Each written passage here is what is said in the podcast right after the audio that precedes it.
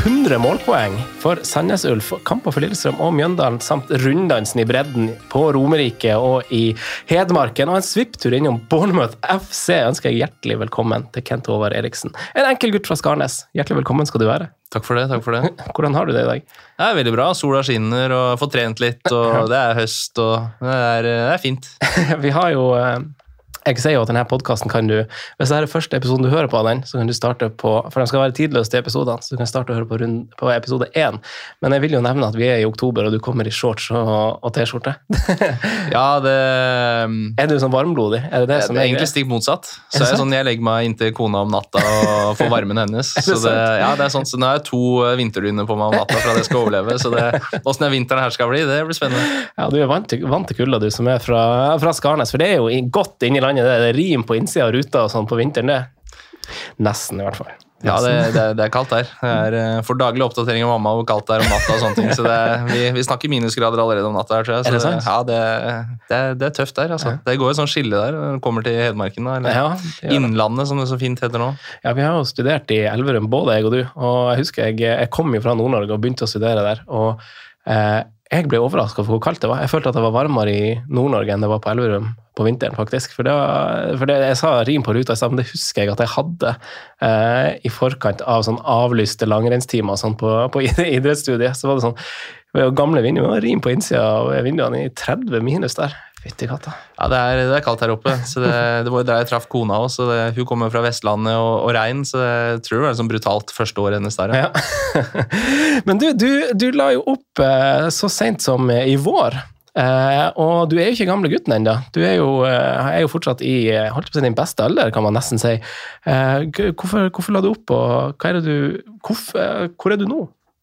Nei, altså, Hovedgrunnen til at jeg la opp, det er jo litt fordi at jeg har jo blitt så heldig da, å få to barn eh, og, og godt gift. Um, jente som blir seks år, som begynte på skolen nå, og en gutt på, på snart fire.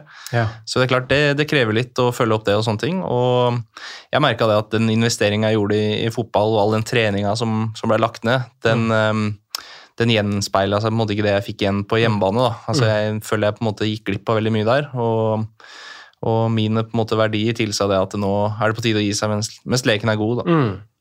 Men en veldig eh, fin og ikke minst spennende eh, karriere å, å se tilbake på, tenker jeg. fordi bak suksessen i, i spesielt Sandnes så ligger det jo en ganske lang historie hos deg. og eh, Jeg jo, jeg hadde en fin samtale med deg på telefon da vi planla denne episoden her, og hva vi ønska å prate om. og eh, Det er jo mye mer til deg enn bare det øyet kan se, og mer tallene man kan lese av å google navnet ditt. og sånn, og eh, Hvis vi starter med, med helt fra barndommen din og bare integrerer en prat uh, der, så, så, så hadde du en del poeng du ønska å dra fram i dag.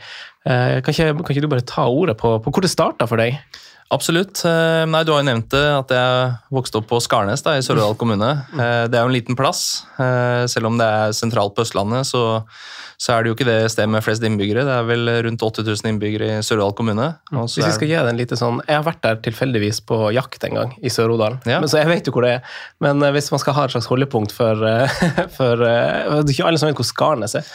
Nei, eh, det, det er vel egentlig det jeg opplevde gjennom oppveksten òg. At sier du hvor du er fra, så er det ingen som veit hvor det er. Så jeg pleier alltid å si at det er i nærheten av Konsinger, og da, da pleier som regel folk å skjønne hvor, Ja. hvor sånn cirka vi er i landet, i hvert fall. Så det, men det er klart, det er ikke mer enn en 45 minutter inn til Oslo derfra, så det, det er jo sentralt. Alle pendler jo derfra om morgenen, så. Ja.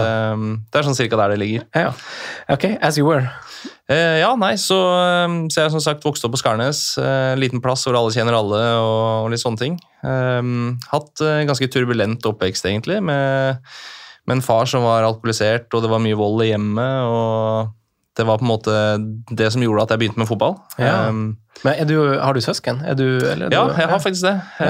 Jeg liker jo egentlig å si at jeg har nesten vært eh, mor nummer to, da, for det var 14 år eldre enn meg. Oh, ja. Så det var veldig sånn, når jeg vokste opp, så var det mye høstferie og vinterferier og, og sånne ting oppe hos min søster, da, som bodde på, på Elverum. ja altså, ok, Så Um, hun vokste ikke opp sammen med deg? Hun var nesten flytta ut? Ja, hun hadde vel så godt som flytta ut. Når Ja, jeg, ja. eh. Så, um, så hun har jo vært eh, godt voksen i forhold til hva, hva jeg var da når Mm. vi vokste opp. Um, så, så jeg vokste opp som sagt eh, hjem hvor det var ganske mye turbulens. Eh, Mm. En, en mor som gjorde så godt hun kunne, og en far som eh, hadde sine trøbler. Så det, det, det var derfor jeg begynte med fotball. Mm. Eh, fant ut at fotball var et perfekt sted for meg å på en måte komme meg litt unna. Mm. Hvor gammel var du da? Nei, altså det, dette har jo foregått helt siden jeg var Mm. eh, bare en liten gutt. Ja, ja. Eh, og min søster har jo opplevd eh, sitt eh, opp igjennom. Så, um, så det å ha liksom fotballen som fristed, det, det var veldig viktig for meg. Mm. Et sted hvor man kunne puste ut og komme seg unna alt det som var av elendighet eh, hjemme. da. Mm. Um, så, så det var veldig deilig. Og, og jeg husker jo liksom fra skolen òg at det var jo en del erting og mobbing og, og de tingene der, uh, som sikkert mange opplever i dag. Um, så det, det var Eller, litt hvorfor, hvorfor det? Hvorfor opplevde du det? Nei, altså Var det et tilfeldig offer, eller? Er det ja, det er jo sånn, Jeg har aldri vært redd for å stikke meg ut. Da, så det er klart, Jeg hadde jo sikkert, også, sikkert mange gode grunner til å bli hjertet av og til på skolen, jeg også, Mm. akkurat som, som, som mange andre. Men, men eh, det som jeg husker spesielt, er jo at vi hadde jo særs dårlig økonomi hjemme. Mm. Altså det var jo sånn, Skulle du holde på med fotball, så var du avhengig av at regninga ble delt opp i tre liksom, for å få det til å gå rundt. Mm. og og du arva tøy, og det var liksom ja, du, ikke, du hadde ikke råd til å gå rundt med Adidas og Nike og alt Nei. dette som de andre gikk, gikk med. da. mm. Så jeg husker liksom det at det var litt sånne Kubus-barn, og liksom, Mm. du fikk liksom et par kallenavn over deg. da. Nei, det, det Så, er um, Men, men hvordan, eh, altså, hvordan var det i, i eh, altså, Jeg føler jo at veldig mange eh, Nå ble jeg usikker på hvor jeg skulle starte, men jeg, har, jeg jobber jo også i en breddefotballklubb ute i Asker som heter, som heter GUI. Det er en sammenslåing av Heggedal og, og Vollen. og Det er en veldig stor barneklubb. Eh, og Når man tar sånn kurs når man jobber i, eh, i fotballedelse eller administrasjon eller trener eller whatever, så, så er det jo blitt veldig fokus på NFF, på, på akkurat det du sier at dere må huske at dere som er trenere, jobber i klubbfotballen, som har ansvar for barn, eh, mest sannsynlig så er det et fristed for noen av de, og kanskje ganske mange av de også, eh, at det her er deres trygge arena. Det er ikke nødvendigvis hjemme. Er det, er det liksom sånn du opplevde det? At, at det å komme på trening var der du var trygg? absolutt. Det, det var også et sted hvor du følte at du kunne, du kunne snakke med treneren hvis det var ting. og og øh, du hadde liksom personer rundt deg som støtta deg. da. Um, og det var jo, det husker jeg jo spesielt fra oppveksten nå. Alle visste jo hva som foregikk hjemme. Altså Det var jo naboer og alt som så jo De så jo at det var politi og ambulanser innom, og det Nei. var liksom på det nivået. Men, Ja. men uh, jeg tror folk har liksom en liten frykt for å blande seg for mye, da, Mm. for det kan jo også gå utover dem. Uh, er vel kanskje det inntrykket jeg sitter igjen med i, som voksen, da, at Mm. folk var redd for å blande seg, for at de, de var redd for at det fikk konsekvenser for dem selv. da. Du beskriver jo, du beskriver jo uh, mammaen din som en, slags, uh, som en slags helt, i hvert fall i telefonsamtalen, og kanskje innleden, innledningsvis også her. Uh, hun påtok seg kanskje flere, flere roller enn det hun hadde, hadde plass til i, som en forsørger for deg. Hvordan, hvordan, fikk hun, fikk hun, altså, hvordan fikk hun det til å gå rundt da, med, med deg? Du, du ser jo selv at du, altså, dere eide knapt nåler i veggen på en måte, og, og plagdes. Hvordan, hvordan fikk dere til det her? Ja, altså Det som er litt uh, interessant, er jo at jeg aldri på en måte syntes synd på meg sjøl i den form at jeg følte jeg mangla noe. da. Altså, Mamma var veldig god på å sørge for at det var rutiner i hverdagen. Kom hjem fra skole, middagen sto klar. og Mm. eh, Det var liksom de kanskje viktigste tingene i livet akkurat der og da, da Mm. som på en måte gjorde at eh, du ikke havna på skråplanet. da, på en Mm. måte. Eh, for det var jo mange impulser rundt deg som tilsa at du kunne havne et helt annet sted i verden. Mm. Eh, Så det å ha de sunne, fine verdiene hjemmefra i forhold til at ting skulle være på en måte på stell, da, Mm. Selv åssen ting var, så, så det tror jeg har vært veldig viktig for, for min oppvekst. da, Med Mm. solide rutiner og, og lekser og mat som ble fulgt opp med en gang etter skoletid, og sånn at man da kunne dyrke da, Mm. eventuelt den, de tingene man hadde lyst til på fritida. da. Det er merkelig hvordan man eh, Altså, du, du lever jo bare én gang, så du gjør deg jo bare ei erfaring én gang. Og når du som liten gutt vokser opp i et, i et sånt hus, og du sikkert ganske lenge eh, Altså, du blir vant til en hverdag med vold og alkoholisme. Det er så, det er så sprøtt. Man kan lett si at ingen barn skal, skal oppleve det, men du viser jo ikke av en annen hverdag. Og jeg vet jo at du, du har hylla trenere, frivilligheter, naboer og sånn. Hvordan rolle har de spilt i det hele for å, for å hjelpe deg, da? Nei, De har vært eh, ekstremt viktige. Um, jeg husker jo det fra oppveksten. altså Mamma hadde jo ikke førerkort. eh, Mm. Kunne på en måte ikke kjøre meg Det må man ha på bygda. Det er en fordel å ha. Så jeg husker jo det at eh, det letteste var jo når vi på en måte spilte fotball på Skarnes, som på en måte var den breddeklubben som var nærmest. Mm. Men når du da ble eldre og du var avhengig av å spille på gutter 16 Mm. og, og junior og sånne ting, for det er jo ikke stor bygd, så du Mm. trenger liksom å slå sammen alle småklubbene. Da. Eh, Så var jeg helt avhengig av å ha foreldre som stilte opp. Mm. Jeg husker flere foreldre mm, som, som kjørte meg fram og tilbake fra trening, og som, var helt, som jeg var helt avhengig av for, Mm. å, for å kunne fortsette med fotball. Mm. Eh, og motivasjonen min for å som sagt, holde på med fotball var jo ikke det at jeg syntes fotball var bare gøy. Det var jo òg fordi at det var det fristedet. Mm. Eh, og uten da de foreldrene og frivillige som stilte opp og sørga for at jeg kom på trening, så, så hadde jeg jo mista fristedet mitt. Mm. Eh, og det er det som jeg er litt sånn opptatt av, og grunnen til at jeg stiller i den podkasten her òg, er jo at eh, jeg ønsker å vise for foreldre og, og, og andre at frivillighet og det å stille opp for andre er ekstremt viktig. Mm. Eh, og samtidig å vise det til barn og ungdom som vokser opp gjerne under litt tøffe kår i dag. Mm. At eh, selv med et skeivt utgangspunkt, så, så kan livet bli ganske fint. da. Ja, og eh, altså, hvordan eh, Du har ei, en- ei mamma som måtte stille opp for deg, gjøre masse, en far som tok seg en tår over tørsten titt og stadig. og hvordan eh, eh, altså, sånn, Hvordan tror du at du altså, Hvordan ble det sånn at det, det lyktes for deg, da? Det er jo ikke alle det gjør det, for du sier selv at du kunne, du kunne kommet ut på, på skrå. altså Er det utelukkende eh, mor og, og frivillighet som, som har gjort det? Er det bare dem du skal, skal takke for, for det? Altså jeg, jeg tenker jo at øhm, Først og fremst så må du ha en litt sånn sta holdning også, som, som barn og unge. Altså, du må Mm. ha en evne til å se litt forbi alt det folk sier og tenker om deg. Mm. Eh, men det å ha liksom sunne rollemodeller rundt deg, folk som stiller opp for deg, folk Mm. som eh, egentlig er med på å danne en slags oppdragelse. altså jeg hadde gode impulser fra min søster, gode impulser fra min mor. Mm. Hadde gode impulser fra naboene sine foreldre, altså, som på en måte viste kanskje enda mer av hva det, eh, det å ha en familie egentlig er, og hva det betyr. da. Mm. Um, så må, altså, de sier jo, altså, eller ikke, Søsteren min sier ofte det at det skal jo det trengs en hel eh, landsby for å oppdra et barn. Ja. Og, og det tror jeg er mye riktig. da. Mm. Eh, At du trenger på en måte masse rollemodeller rundt Mm. deg som viser at eh, ja, å ta litt ansvar. da. Mm. Og det er jo en ting vi i Norge her er gode på, det er jo den frivilligheten, å stille opp for hverandre. Og kanskje spesielt i idrettslag så syns jeg jo landet rundt at frivilligheten stiller veldig mye opp. og man er avhengig av det, sånn som eh, midlene er i idrettslag i Norge, sånn, så trenger man det. Eh, og, og, så, så, så barndommen din var sånn og sånn, og så eh, i ungdomsfotballen, da, da du ble litt mer avhengig av, eh, av eh, folkene rundt deg, for du trengte skyss hit og dit. Men da hadde du også blitt en ganske god fotballspiller på det tidspunktet. Men du beskrev også at du var en slags late bloomer når det kom til det. For vi snakker jo også litt sammen, jeg og du, at i da vi var på Elverum samtidig, og jeg studerte, jeg spilte i Løten, da spilte du i Elverum i, i andredivisjon, kanskje litt sånn overlappende eller samtidig. Eh, da var du i andredivisjon i gåseøyne bare, som jeg syns er et kjempe, kjempehøyt nivå, men det skulle jo lenger for deg. eh, vi kan jo Vet du hva, vet du hva vi kan ta, ta oss en liten pause, tror jeg, og så snakker vi om det i neste del av programmet. Er det greit? Absolutt.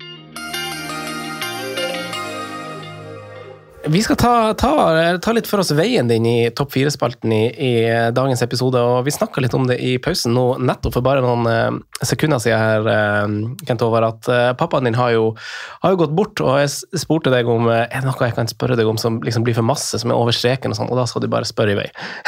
så, så du sa at pappaen din er, er gått bort, men at det vekket en slags vemodig følelse for deg, og du oppdager liksom ting etter det eh, som, eh, som, eh, som kanskje ikke du la merke til mens han fortsatt var der. Hvordan var det? Nei, det, den dagen Jeg husker jeg skulle spille kamp. Tom Nordli var jo treneren min da i, i Sandnes Ulf, husker jeg. Mm. Vi hadde spilt kamp, og mm, jeg ser da på telefonen min at det var en masse anrop fra søsteren. Ja. Og jeg ringer opp igjen, og vi sier at pappa er død. Og da var det sånn, en stor liksom, følelse av meg som bare sånn, en lettelse. Mm. Men samtidig så var det jo en del av meg som bare sånn Oi, pappa er faktisk død. ja. Uh, og det var en sånn veldig rar følelse. Jeg satt der liksom med en del av meg som var uh, på en måte kunne slappe av litt, og så var det en del av meg som, som egentlig bare sånn Hva er det jeg har gått glipp av? Og Hvordan var forholdet deres uh, fram mot det tidspunktet? Etter at du hadde hatt det litt turbulent hjemme, og så vokste du på deg og skjønner at ting ikke er greit, om du ga han ei kald skulder og sånn. Hvordan var, hvordan var kontakten deres og, og forholdet deres etter hvert som du ble eldre? Ja, nei, altså, Min søster da fikk jo tre fantastiske barn, og, mm. og jeg har jo da vært onkel for de. Mm. Uh, hun var jo veldig opptatt av at eh, de skulle ha god kontakt og sånne ting. Mm. Og, så jeg var jo så heldig å kunne feire et par 17. mai og litt sånn småting. da. Mm. Kona mi fikk truffet far og, og litt sånne ting. Uh, som egentlig jeg merker da som voksen har egentlig har vært veldig hyggelig. Å på en måte vite at man har noen, noen kjekke øyeblikk da, sammen med faren sin, selv om, selv om på en måte det i oppveksten ikke var for mange av de øyeblikkene. Mm.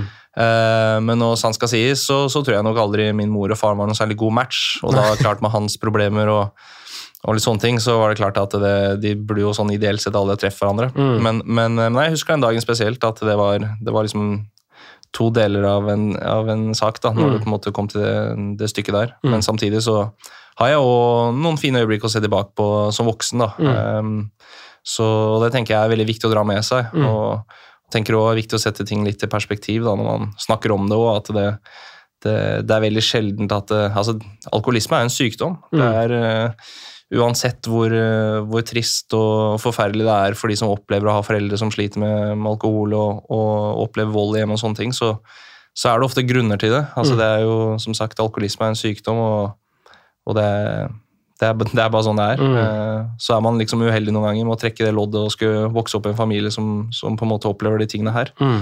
Men, eh, men det er ingenting som jeg på en måte føler preger meg som voksen. Nei. Heller stikk motsatt i den form at eh, jeg ønsker å vise mine barn at, at jeg skal være en god far. da. Ja. Ja. Ja, Det er fint det, altså, å, å snu litt på ting. Eh, men du, du hadde lovt meg også at vi skulle snakke om noe, noe lystbetont eh, greier også. og eh, Jeg fikk et par punkter som jeg syns er, litt artig. og Du har jo spilt i, i Bournemouth FC.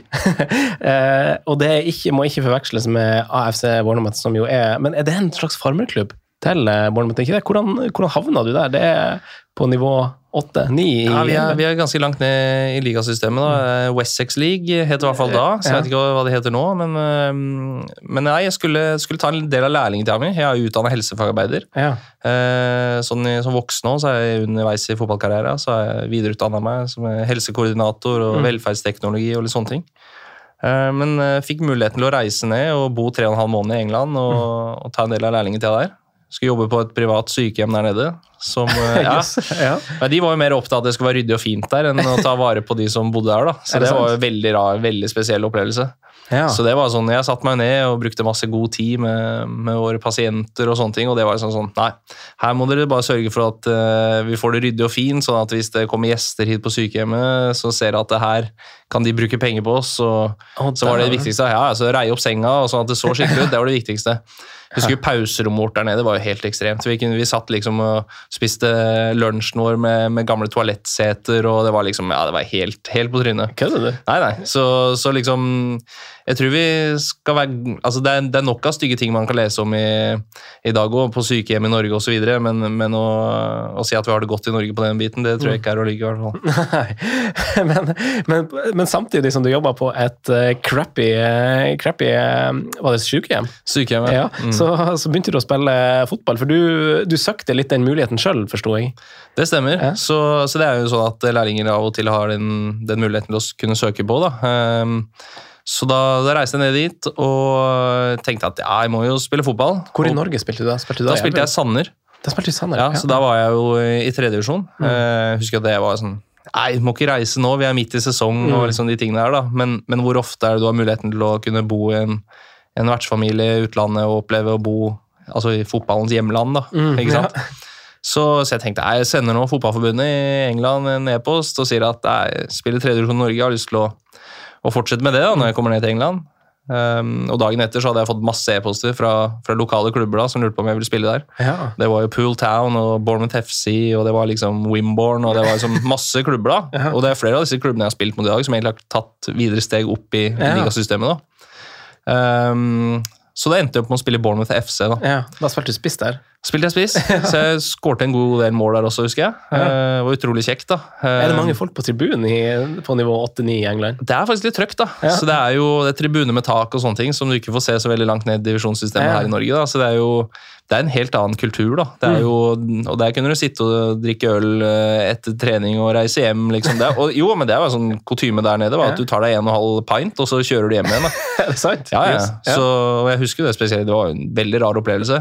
Jeg var jo ikke mer enn 18 år, ikke sant? Så det var jo, og jeg husker også det at um, på fredag ja, da, da kom liksom eh, klubbsjefen da, med en konvolutt med penger til deg. Ja. Da fikk du 5000 kroner, ikke sant? 500 pund der. Altså. Spiller nedi der? Ja, ja. ja. Så, det, så det, er, det er jo ikke rart det er penger i, i ligasystemet i England, når du ser liksom så langt ned i systemet, så, så, um, Og da fikk du en konvolutt? Ja, det kommer en konvolutt, da. Så det er, jo, det er jo så svarte penger du, du kan få det, da. Så, men, men, eh, Men jeg husker det var spesielt og en veldig gøy opplevelse. da, Mm. Uh, absolutt. Og vi spilte jo FA Cup-kvalik, og vi spilte jo FA VAS, da, eller FA Waste. da. Hva er det? Nei, altså Det er jo en sånn uh, mer type bredde-FA Cup, da, Okay. Uh, som òg ender opp på Wembley. Ja. Å ja, så, det, så det er på en måte altså det blir sånn som Inter Toto-cupen, men sånn der Conference League for Ja, altså FA-cupen. det, det jo da Det blir jo alle ut fra nivå fem, blir det vel, da. Ja, ok. mm. Ja. så, så det var veldig spesielt. da, Og den spiller jo tross alt for en halvfull Wembley, den òg. Og det, Ja. Wembley er jo ikke liten. Så, så klart, eh, for den som opplever det, er jo det utrolig gøy, da. Mm. Så um, absolutt. Nei, så, det visste jeg ikke at han hadde engang. jo, jo. Det, og det er jo, selv på det nivået der, så er det jo 100 cuper, og det er ligacuper, Mm. og det er jo ja, det er veldig mye cuper, og ligaen i tillegg, så det er jo ikke rart at det blir mye kamper. Nei, og, og skada, ikke minst. Ja, ikke minst. Og gjørmete, dårlige fotballbaner der nede. Så det, men det er sjarm, da. Jeg husker det, det var spesielt. Men du, du dro over dit eh, bestemt at du bare skulle være der et år uansett, gjorde du ikke det? Jo, altså jeg var jo veldig innstilt på å fullføre lærlingtida mi og ta fagbrev og sånne ting, så jeg måtte jo egentlig hjem sånn sett. Så, og det er jeg veldig glad for i dag, at man har noe å falle tilbake på. da. Ja. Så det, det er veldig, veldig greit. Ja. Så, men det er klart at det var ikke noe selvskreven at jeg skulle ende opp med å spille fotball der nede, eller å skulle spille eliteseriefotball i det hele tatt. Nei, ikke sant. For du, du det, det slo, slo ut liksom i full blomst litt seint for deg. eh, Men eh, etter, eh, etter Bournemouth og England, hvordan var det å bo svertsfamilie, forresten? For det er det man gjør, forstår jeg. Ja, det er riktig. Ja. Det, det er faktisk en opplevelse som, eh, som jeg unner mange. da. Det var mye gøy der. Ehm, og Jeg var jo så heldig å bo i en vertsfamilie som hadde en sønn i huset i tillegg. Mm. Så han viste meg alt som hadde med kultur i England å gjøre. Og Ja. det er klart, det er øl og øl og øl. Og, øl. Ja. og jeg drikker jo ikke øl, så jeg husker jo min første opplevelse med øl der nede. Det var jo ja, det var jo kast opp, da, både foran og bak huset der. Så det var jo, ja. Så, det, så jeg hadde mye rare opplevelser eh, der nede når det gjaldt det der. Så, um, men, eh, men, men det var gøy, var det. Så det, jeg husker Vi var jo på sånne språkkurs der et par uker i forveien òg. Så det, og Da var det helt normalt at på fredag da var det fredagsspill, så da var du ut med læreren og drikke. og det var litt sånn, ja. Så det, det er forskjell på Norge og England. Ja. Jeg tror ikke det er så mange som drikker med læreren sin i Norge. for å si det sånn. Det er ikke bare en myte, den der eh, ølkulturen eh, over der, nei. Men, eh, men eh, etter Bournemouth kom tilbake til Norge, hva, hva gjorde du da? Nei, da var det jo å prøve å finne seg en, en klubb i Norge, da. For da var du per definisjon klubbløs etter Sander? eh, Ja, etter Sander. da var det på tide å um, finne seg en ny klubb, tenkte jeg. Ja. Eh, For da hadde jeg vært i Sander en stund, og selv om alle ville jo at jeg skulle komme tilbake dit. Ja. Så, men da, plutselig så var jeg jo litt populær, da. Så da fikk jeg jo tilbud av eh, Flisa, og Brumunddal var på banen, og Kevin Knappen var vel litt på banen der med Elverum eh, da. Men eh, så endte jeg opp med å spille i Funnefoss-Vormsund ja. i Fuvo. Ja. Det handla litt med om at eh, det er kort vei fra Skarnes. Ja. Det var mange som kjørte forbi Skarnes for å trene med, med, med Fuvo. Ah, Så da var det lettvint å bli plukka opp av de på veien der, så, som kom fra Konsinger. da, og så, um, og så spille der, da. Mm. Og det gikk jo veldig bra. Det skåret jo en, enormt mange mål der. Ja. Uh, og endte opp da med å gå til Elverum året etter det igjen. ja. Og da er vi i 2000 og Ja, da er vi i 2000 og, 2012 var første sesongen min i, i Elverum. Og så fra Elverum gikk du til Nei, Da var det jo først eh, å rykke opp med Elverum fra andre divisjon til første. Spilte Ja. Adeccoligaen der. ja. Og um, så var det videre til Sandnes Ulf, da, som Mm. jeg spilte i, eh, i 2014 og i hele syv sesonger. Du var der i syv sesonger, ja. Og det her var, det her var en slags peak for deg, var det ikke det? Altså Sportslig og trivsel, og da hadde du det helt prima. Skårte masse mål og hadde det fint i Sandnes. Hadde det veldig fint. Mm. Eh, hadde jo egentlig mange muligheter til å forlate Sandnes Ulf òg, men eh, da var jo klubben satte seg på bakbeina og krevde litt for mye penger, da. Så vi Hvordan muligheter hadde du? Nei, Bodø-Glimt var jo der. Ja. Eh, artig opplevelse der òg. Som jeg snakka mye om i ettertid, var jo det at eh, treneren til Bodø-Glimt satt og klappa på tribunen og jeg skårte mot eh, Start på Sandnes stadion, husker jeg. ja. Så det, men, men, eh, så det var veldig spesielt å se. Um, nei, så de var jo på banen, og da sa de egentlig det at ja, når det kommer en klubb neste gang, nå, så, så skal vi få la deg gå, da. ja. Og så kom jeg Haugesund på banen, ja. eh, et år etter der igjen, vel, og jeg hadde jo hatt en liten ankelskade, husker jeg. Mm. Så jeg hadde jo egentlig ikke spilt en eneste kamp på vinteren, eller noe som helst. Men Haugesund de ville jo ha meg, da. Mm. Men da det var samme, samme leksa da, og ja, til slutt da, så endte jeg opp med å gå til Lillestrøm, da, og det var jo siste året kontrakten min i, i Sandnes. Mm. Hvordan var det? Nei, da Du er litt på hjemmebane, sånn rent geografisk i hvert fall. Absolutt. Nei, det var jo en sånn, følte jeg at nå er det liksom siste muligheten til å liksom virkelig Mm. ja, kunne få spille eliteseriefotball igjen, da. Um, Men det er jo klart forutsetningene når jeg kom til Lillestrøm, de var jo så som så, da, med Mm. tanke på at jeg veide 73 kilo omtrent og de tingene der. Så det Ja. er jo Ja. Ja, du var bare en, eh, en liten fis da, tydeligvis. Hva, hva, hva skyldtes det? Nei, altså jeg sleit jo litt med, med noen spiseforstyrrelser der, da, for Ja. å si det helt enkelt. Jeg har jo egentlig aldri brydd meg noe særlig om verken hva jeg spiser eller, eh, eller åssen på en måte eh, hva vekta viser, da.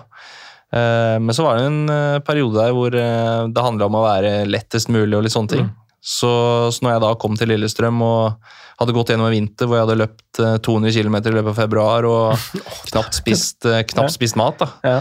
Eh, Så klart, da mister du litt muskelmasse. Mm. Så jeg hadde egentlig veldig dårlige forutsetninger for å lykkes i Lillestrøm. Mm.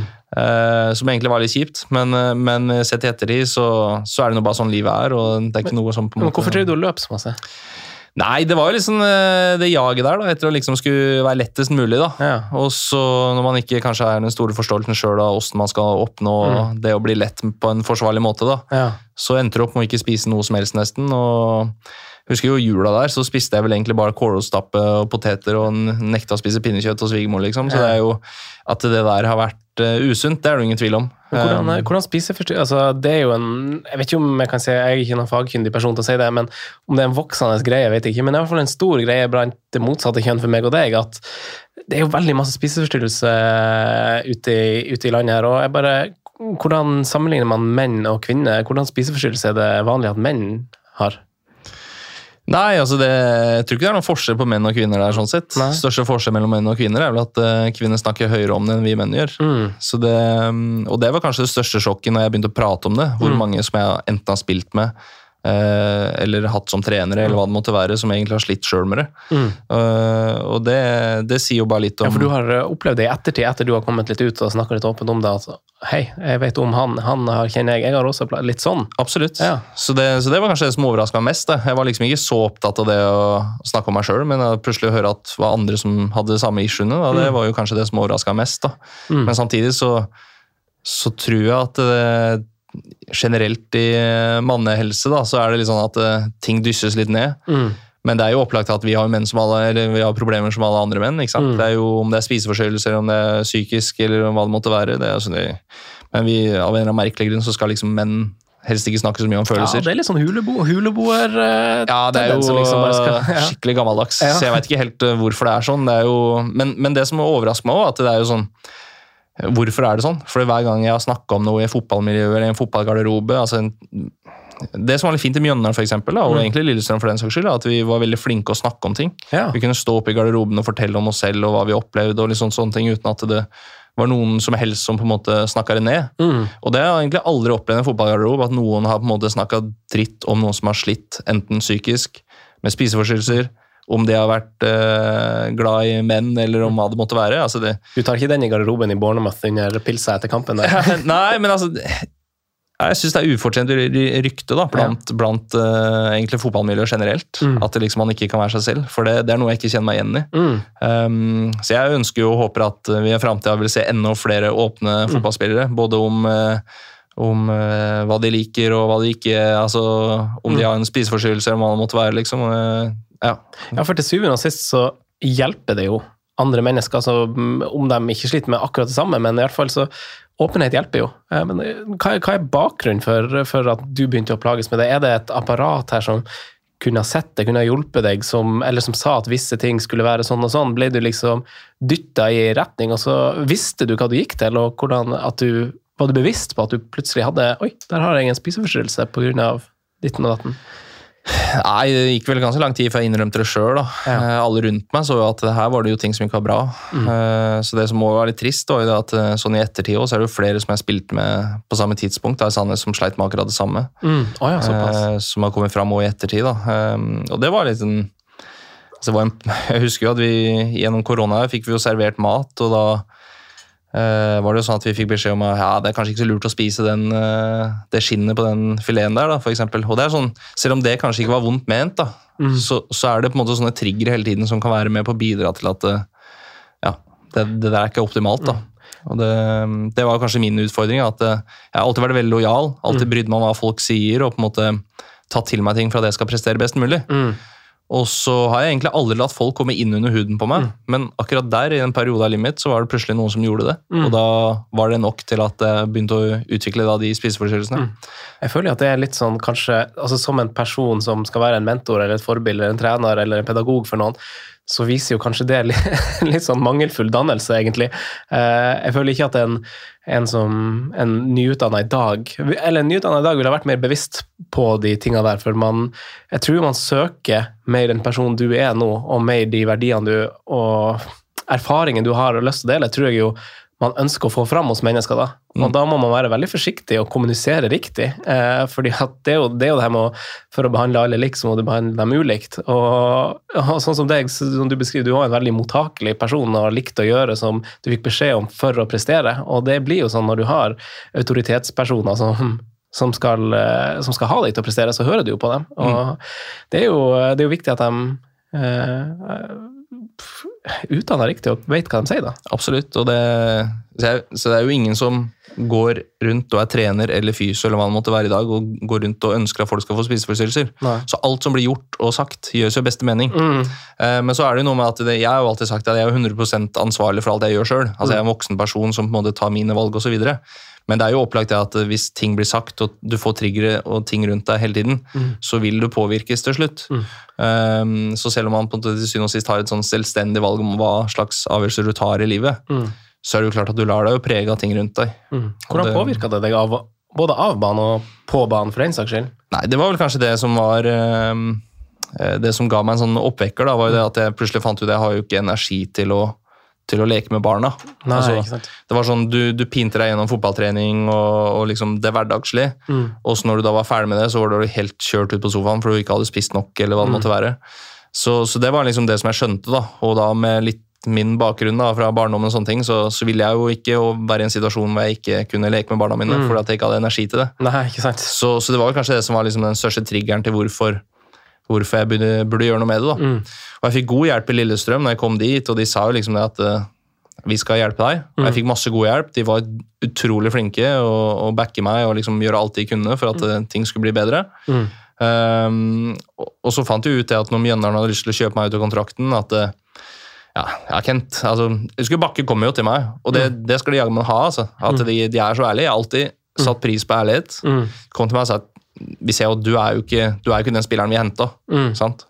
Um, den spilleren vi henta, var jo mye tyngre. Han var mer eksplosiv. Det var, det var liksom, nå er det bare sirup, ikke sant? Hvordan var det å få den beskjeden? Satt du bare, var det, er, du Nei. bare, er du bare takknemlig? Der? Ja, jeg, jeg, jeg er kjempetakknemlig, for det er jo en del som gjør at du kanskje fikk deg en liten vekker. da, sant? Så da jeg kom ned til Mjøndalen, så, så fikk jeg en sånn ny boost. da, så Jeg følte liksom at nå, nå skal jeg Fikk lovnader om å spille. Spilte jo kamper fra start, begynte skåret litt mål der. Skåret jo mål i debuten der mot Tromsø og litt sånn, sånne ting.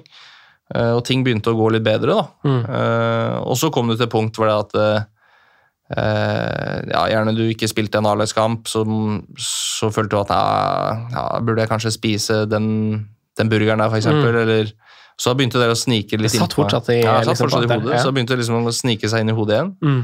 Uh, og da sa jo på en måte apparatet i Mjøndalen at ja, kanskje vi skal prøve å ta det her et steg videre Mm. og, og henvende deg liksom så at du får litt hjelp fra, fra idrettshelsen og litt sånne ting. Da. ja, så du fikk hjelp fra Ja, ja. klubben? Litt sånn du oppsøkte Jeg hadde tenkt å spørre deg om du oppsøkte hjelp sjøl, men her fikk du Ja, jeg fikk hjelp, hjelp allerede fra klubben, for jeg innså Helt det ikke sjøl for seg. Altså, jeg nekta å innse at det det var et legit problem. Wow, godt observert. Så, så de òg har liksom backa meg 100 og det, jeg er veldig glad for at jeg har vært i to klubber nå som på en måte har, har prøvd å hjelpe meg så godt som Mm. mulig. Um, så jeg endte jo opp med å gå til en, um, en spesialist på spiseforstyrrelser. Mm. Og fikk liksom et par samtaler der, men det var to samtaler. Og sånn, ja, men det ser jo ut som at dette går mye bedre. Ah, ja. uh, og det gjorde det i og for seg også, men Mm. jeg følte, jeg, problemet mitt har alltid vært veldig flink til å snakke. altså Det er jo egentlig kona som sier det, at eh, du har alltid vært flink til å snakke for deg. Mm. Så at det, det at jeg kanskje skulle hatt et par ekstra timer hos den, eh, den spesialisten, det, det tror jeg nok. For jeg ser jo sånn som i dag òg, nå er jeg jo ekstremt opptatt av å spise nok proteiner. Mm. Jeg må få i meg ditt og datten, at jeg ikke spiser mer enn så og så mange kalorier fordi at eh, Ja, for du gjør deg sjøl til situasjonsherre Ja, herre på en måte for å kontrollere? Ja, for nå er jeg jo ikke aktiv fotballspiller lenger, ikke sant? Ja. Så nå, kan, nå har jeg liksom ikke gratis antall kalorier for at jeg er i aktivitet hele tiden. Mm. Eh, Så nå har jeg gått fra liksom ikke spise mat i det hele tatt, til å bare sørge for at jeg får i meg nok proteiner, og spiser gjerne masse proteiner. Mm. Kanskje skal helst ha lav, eh, lavkalorimat, men samtidig at det, det skal på en måte være nok proteiner. og Mm. sånt. Nå er det liksom tippa andre veien igjen. ikke sant? Så er det sånn, ja, Det å liksom si at man blir 100% frisk med en gang etter noe sånt, det, det tar tid, altså. Ja. Og det, kona liksom sier at når jeg Kanskje aldri helt sånn 100% Nei, mest, altså det virker jo ikke sånn ennå for min del. Da. Eh, men det er jo klart at eh, jeg ser jo, altså Nå er jeg ikke aktiv fotballspiller, så det Mm. preger meg ikke så mye lenger. Men, men det er jo klart, jeg er usikker på hvor sunt det er å skulle passe på at du kanskje veier ting og Mm. liksom de, de tingene der. da. Um, for jeg har liksom aldri brydd meg om det i utgangspunktet. Nei, men det er klart, vi vier mye tid på å ha kontroll på det. Så det blir jo en slags jeg kan ikke nødvendigvis kalle det en stressfaktor, men et eller annet i hodet ditt er det jo som Ja, ja, Som tenker på det. Mm. Absolutt. Så, så det, det vi på en måte har kanskje eh, konkludert litt med, da, jeg og kona, liksom de som er rundt meg, da, sånn som svigermor og alle disse tingene, vi er jo ekstremt så opptatt av at ting skal liksom gjøres skikkelig. da. mm, Så når man først gjør noe, uansett om det er jobb, eller om det er fotball, eller om det er kosthold, eller hva det måtte være, da, så gjør man det så 100 mm, at du liksom glemmer at det, de tingene man faktisk gjør, òg kan være usunt. da, ikke Mm. Altså, hvis du liksom har huet ditt kun nedi det, for eksempel, da, mm, og du liksom må passe på ditten og datten og liksom ha kontroll over ting hele tiden, og aldri la ting skli ut, Mm. så er ikke det sunt heller. mm, Du trenger på en måte en balanse av alt i livet, mm, uansett om det er kosthold eller fritidsaktiviteter eller det var sosial, Mm. eller hva det måtte være. ikke sant? Så Mm. det å finne sånn mellomting på alt, det Mm. tror jeg er veldig sunt. da. Um, jeg hyller jo egentlig alle de som bare går ut og koser seg og liksom ikke bryr seg om hva de spiser, den der ekstra burgeren av og til, eller hva det måtte være. Potetgullpakka på en onsdag det. Ikke sant? Eh, fordi at det Ja, altså det går en grense for hvor mye man skal spise av det òg, men samtidig, hvis du på en måte glipp, går glipp av mye av de der på en måte viktige tingene ellers, da, Mm. så er det egentlig ikke så verdt så mye å ha lav eh, fettprosent, eller altså Ja, for du mister så mye annet, da. Mm. Eh, du, eh, har du, har du altså et åpenbart råd til deg, hvis jeg skal, fra deg, hvis jeg skal tolke det du har sagt om, eh, om de her større og viktigere tingene, så er det, så er det åpenhet. Oppsøke hjelp, kanskje. Har du et råd til, eh, til yngre, til voksne, til hvordan de burde takle å ha ansvar for en sånn person som deg, da, sånn som du var, eller hvis man sliter med det samme? Ja, altså Generelt da, i livet mitt så, så føler jeg det at det å ha en åpenhet eh, er ekstremt viktig. Mm. Og så skulle jeg jo selvfølgelig ønske at alle hadde en sånn evne til å gi litt faen. Mm. At de ikke brydde seg om hva folk syntes hvis de snakka om de tingene her. Mm. Eh, uansett om det er vold i hjemmet, eller om det er spiseforstyrrelser, eller hva det måtte være. At folk tør å være åpne. da. Eh, Det er den letteste måten å få hjelp på, altså hvis du tør å være åpen. Mm. Og så vil man selvfølgelig tråkke et par eh, feller der ute. Mm. For du vil alltids møte folk som enten er negative, ikke vil hjelpe til, eller hva det måtte være. Mm. Um, men det er jeg også veldig opptatt av i min oppdragelse av mine barn. De skal vite det at de har foreldre som de kan komme med Mm. uh, og fortelle alt til. Mm. Og så skal vi håndtere det. For det er den eneste måten vi kan komme oss ut av en situasjon, f.eks. om det er mobbing på skolen, Mm. om det er liksom tenåringsproblemer, og hva det måtte være i framtida. Altså, vi skal være en familie hvor alle kan snakke om alt. Mm. Eh, og det tror jeg kanskje er det aller viktigste fundamentet du kan ha for at du faktisk skal få eh, barn som lykkes i framtida. Mm. Ja. Så du er gift, to barn. Eh, Jeg vet at du har eh, altså Giftermål på bakerste rad har jeg skrevet i eh, notisen mitt her. og det var bare, var bare noen sånn stikkord du sendte meg på en mail eh, så, som sa sånn Det kan være litt artig å nevne. for hva, hva vil det si et giftermål på bakerste rad? Nei, altså Jeg var jo så heldig å kunne gifte meg i Sandnes, da. Eh, Ja. Så jeg gifta meg der, og det er jo nå fem år siden. Så jeg husker jo at da hadde jeg invitert Gaukereire Mm. til bryllupet for at de skulle få lov til å delta er i Det er jo supporterklikken til, til Sandnes Ulf, da. Mm. Eh, Så de stilte jo opp med bluss, og det var eh, Alle kom i Sandnes Ulf-drakt og sånn ja, Det er faktisk noe som har gjort veldig inntrykk på meg, da, for det Mm. var veldig kjekt og veldig gøy. Eh, Og de kora jo på bakerste rad til Elton John, den 'Løvenes konge'-sangen der, og det var liksom Ja. Så det, det var en veldig spesiell rolle. Veldig kjekt, da. Ja, yes, Så det det, så, som ikke bryllupet ditt er vanskelig nok å huske eh, i utgangspunktet, så ble det i hvert fall ikke noe lettere å glemme det nå, etter at de liksom var med på den opplevelsen der. da. Mm. Så det var veldig kjekt. Så det, ja. Veldig fin. veldig fin. Men så vet jeg også at du, du avslutta karrieren din på en litt spesiell måte, gjorde du ikke det? Jo, eh, jeg gjorde det. Jeg jo eh, En ting var at du var ung, men det var jo, eh, du var jo ikke Ja, altså- posisjon der. Ja, det klart Vi hadde gjort opp alle byttene våre da, Mm. i Mjøndalen, og så hadde jo, Keeperen hadde bestemt seg for å være litt sånn dyttete og litt pushy der, da, så da fikk han jo rødt kort. da. Mm. Og så begynner jo jeg å si at ja, men jeg kan stå, det går fint. Har du stått før? Ja, jeg har faktisk det. Så jeg har en historie fra uh, tidligere keeperkarriere òg. Jeg okay. er faktisk kretsmester som, som keeper. er det sant? Ja, det er sant. Hvor gammel var du da? Eh, Nei, det var vel gutte 16, da. Så da var jo uh, Og jeg spilte jo egentlig på andrelaget, Ja. som spiss der, da. ja. Men så blei gutter gutte 16 av førstelagskeeperen ble skada. Mm. Han sleit med ryggen. Jeg husker han sleit mye med ryggen. Eh, så jeg måtte spille de siste kampene av, eh, av på en måte seriespillet da, Mm. som keeper på førstelaget. For de hadde ikke reservekeeper? Nei, de, nei, det var jo tydeligvis meg da, som var Yes. kapabel til å stå. da. Du og Filjack Hjelka. Så, sånn ja, ja, så, så jeg fikk lov til å være med på førstelaget som, som keeper, da. Mm Eh, selv om jeg egentlig var spiss. Mm. Og vi endte jo på i kretsmesterskapet der og sånne ting, og da fikk jeg lov til å være med der, da, på Mm. KM. Og det var jo, husker jeg det var på Elverum, vi spilte mot HamKam eller sånne ting. Og det var jo svært. Husker du når du er liksom fra, fra, fra Hedmarken og kan spille mot HamKam? ikke sant? Det -hmm. var, det var svært. Um, Som keeper. ja, ikke sant? Um, keeper. nei da, så, så jeg fikk lov til å være med på KM, da. Mm. Uh, men da var jeg selvfølgelig på benken, for da var jo han frisk nok igjen, han Mm. uh, keeperen på førstelaget. da.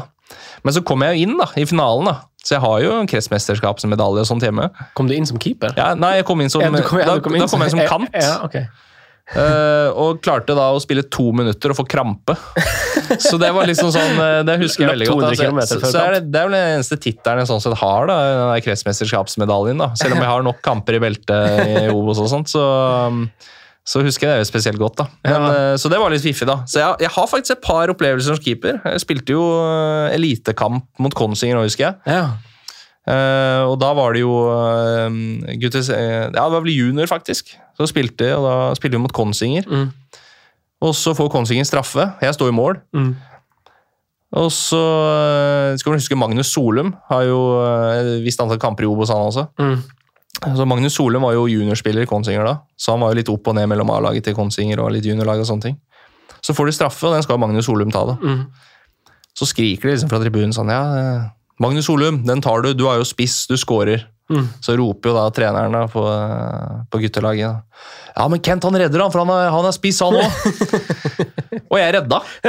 Så jeg husker at det var jo Ja, ja. Men slang du deg, eller skøyt han liksom midt på deg? Nei, det var en god redning, faktisk. Ja. Så, så, så det husker jeg. Og da var det jo sånn nesten skrevet i historiebøkene at jeg skulle avslutte som keeper i Mjøndalen. Det, det må jeg si at det var litt morsomt, da. For da, da sier jo han eh, reservekeeperen vår, eh, unggutt på Mjøndalen, at uh, Nei, la nå Kent få keeperhansken drakt. Han er jo tross alt vært kretsmester som keeper. Ja? Så det, den hadde han huska, da. Så han skreik det til Vegard Hansen at Kent må stå, for han har vært kretsmester som, eh, som, som keeper. Det er helt rått. Helt rått. Uh, du, da skal vi avslutte episoden med, med ukens profil, som jeg vet at du har uh, noen tanker om, i hvert fall, uh, Kent Håvard. Så da tar vi en liten pause, og så er vi straks tilbake med det. Du hadde jo fått eh, Jeg skal ikke si at du fikk hjemmelekse, men du hadde et forslag til eh, ukens eh, profil, Kent Håvard. Og, du dro opp to navn som du kjenner fra karrieren din sjøl. Eh, det er også kanskje på bakgrunn av noe litt aktuelt, fordi personligheter i, i media får jo, sånn som vi opplever sosiale medier den dag i dag, får jo virkelig kjørt seg. Om det er i kommentarfelt, om det er på Twitter, om det er på Instagram, eh, så får man jo kjørt seg noe så voldsomt. Eh, og eh, du har bare dratt med to navn som, som Skal ikke si at de står i stormen, men det, det har kanskje du eh, litt tanker rundt? Absolutt. Mm. Nei, eh, jeg har vært så heldig å kunne spille med ganske mange profiler opp igjennom. da. Mm. Eh, Både landslagsspillere og, og litt sånne ting. Eh, Men sånn på norsk plan da, så er det jo, eh, jeg har jo spilt både med Gauseth og, og Pål André Helleland. Mm. Eh, Det er jo spillere som på en måte De er jo ikke redde for å stikke seg ut i media, og eh, får jo kjørt seg tidvis i media også. Mm. Eh, så det jeg egentlig har lyst til å dra fram litt, er jo det at uh, vi mennesker har jo veldig lett for å danne oss et bilde av åssen mennesker er. Mm. Uh, og det hadde jeg vel egentlig i og for seg gjort sjøl òg, om de to personene der, før jeg fikk spille med de. Uh, og det, det ser man jo i kommentarfelter og sånne ting. Det er ganske mye dritt de får. Eh, selv om de selvfølgelig da steller seg litt eh, i posisjon for å motta en del òg, så, er- så er det ting som er liksom på grensa hva, hva man skal eh, tåle, da. Mm. Og hva man skal akseptere. Eh, men jeg har vært så heldig å kunne spille med de. Mm. Eh, vært i samme garderobe med de, opplevd de som personer. Og, eh, og det at man på en måte mm, heller lar seg kjenne personer før man danner seg et bilde av, eller i hvert fall dømmer folk. Da. Mm. er veldig viktig. Jeg husker Gauseth og, og Pål André det er personer som egentlig er genuint opptatt av at folk har det bra rundt seg. Mm. De er tullete og tøysete på alle mulige måter, og, og ertete og på en gøy og fin måte. Mm. Men de er utrolig kjærlige òg. Altså, de er veldig opptatt av at du skal ha det bra. Mm. Um, så jeg er veldig opptatt av egentlig å kanskje dra fram personer da, som, som egentlig må stå og motta ganske mye dritt i kommentarfelter og sånne ting, men som egentlig, når du blir kjent med, er jævla fine folk. Mm. Um, og det er kanskje noe man også lærer seg først når man blir voksen. At det, det at man ofte danner seg et bilde, men heller faktisk blir kjent med folk før man liksom dømmer de da. Mm. Uh, og det tror jeg er veldig mange voksne som har mye å lære av. For det, jeg tror det er veldig lett å si bak i tastatur og på en måte bare slenge ut masse drit. Mm. Um, Nei, det der har jo jeg også opplevd. Jeg har jo denne podkasten, og så har jeg jo en annen podkast også. og jeg jeg stikker jo ikke nesa fram og er veldig sånn tydelig i mening, så jeg får ikke så mye dritt. Men litt tilbake til det du sa tidligere om hvordan man er forskjellig som mennesker og personer, så er det jo sånn Jeg legger merke til sjøl hvordan jeg takler hvis altså Det er veldig få ganger jeg opp opplever noe skikkelig dritt, men eh, hvis det er noen som bare slenger ut en kommentar som jeg ikke føler er berettiget, og som kanskje som du, som du antyder, da, som er på bakgrunn av at altså, du kjenner meg ikke. ikke sant? Mm. Eh, for meg så svir det litt, kjenner jeg. Jeg får litt sånn vondt i meg av det og blir litt sånn litt sånn lei meg av det. Det kan jo ødelegge dagen min, og så, og så er jeg over det. Men for enkelte så vet jeg bare sånn der, åh, det er bare en idiot på nett, liksom. Mm. Eh, så man er jo forskjellig på det. For noen vil det stikke, og for noen vil det liksom bare, bare absolutt. absolutt. Eh, Både Pål André da, og, og Christian er jo da typer som tåler litt dritt. Mm. Altså, det, det er det ingen tvil om. Og de veit jo det òg, når de stikker nesa fram, så, Mm. så må de jo akseptere å få noe dritt. Mm. Men, men som sagt, det er jo grenser for hva de skal tåle òg. Og det er jo der folk er dårlige, vet du. fordi man, kan, må, man må gjerne komme med litt konstruktiv kritikk, og hvis du skal være kritisk, så må du gjerne rose òg, og den biten der. liksom Bare ikke være den som bare lar seg høre fra hvis det er noe negativt. ikke sant? Men det handler jo masse om hvordan ting blir sagt på. Altså Det er ikke grenser for liksom, hvordan folk bruker skjellsord. og, og liksom sånn, Du ville jo aldri ha gjort det over bordet, sånn som jeg og du sitter og snakker nå, så ville ikke du ha satt og slakta Christian Gauseth på den nei, måten som du sitter bak tastaturet. Du har aldri i verden har gjort det. Det er, Så, ja, nei, det er det er, jo det som er liksom både trist og leit å se liksom, teknologien i dag. Da, at liksom, ja. ja, Du kan jo bare sitte og gjemme deg bak et tastatur. Og, Mm. ja. så, så nei, jeg er veldig opptatt av det at eh, ja, folk som kanskje fortjener en liten hyllest, da, Mm. eh, og, eh, og faktisk eh, får den av og til. da. Mm. Um, så det, det er mange jeg har spilt med. Altså det, du kan nevne så mange spillere. Altså jeg har fortsatt til, egentlig til gode å møte en drittsekk i fotballen. Mm. Uh, har liksom ingen jeg er dårlig venn med, eller, og det er jeg egentlig glad for. da, At det liksom jeg har vært meg sjøl hele veien. Så jeg har liksom alltid hatt den der tanken om at ja, enten så, så liker de den personen jeg er, Mm. eller så går det helt fint, det òg, liksom.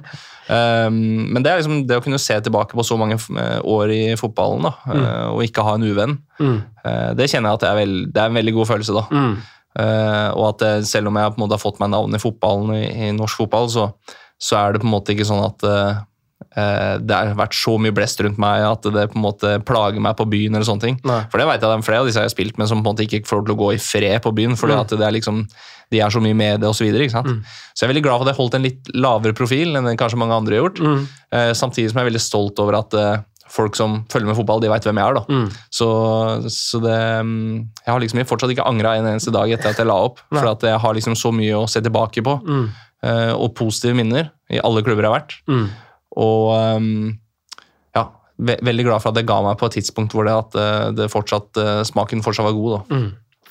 Du, Da er det dags å trekke to strek under eh, dagens innspilling, og jeg eh, syns det var veldig fint å kjøre en, en sånn her type episode. Veldig fin fyr er du også, uten tvil, så jeg takker deg igjen for at du, du stilte, og ønsker deg lykke til med karrierefri hverdag med familie og, og full pakke. Takk. Takk, takk.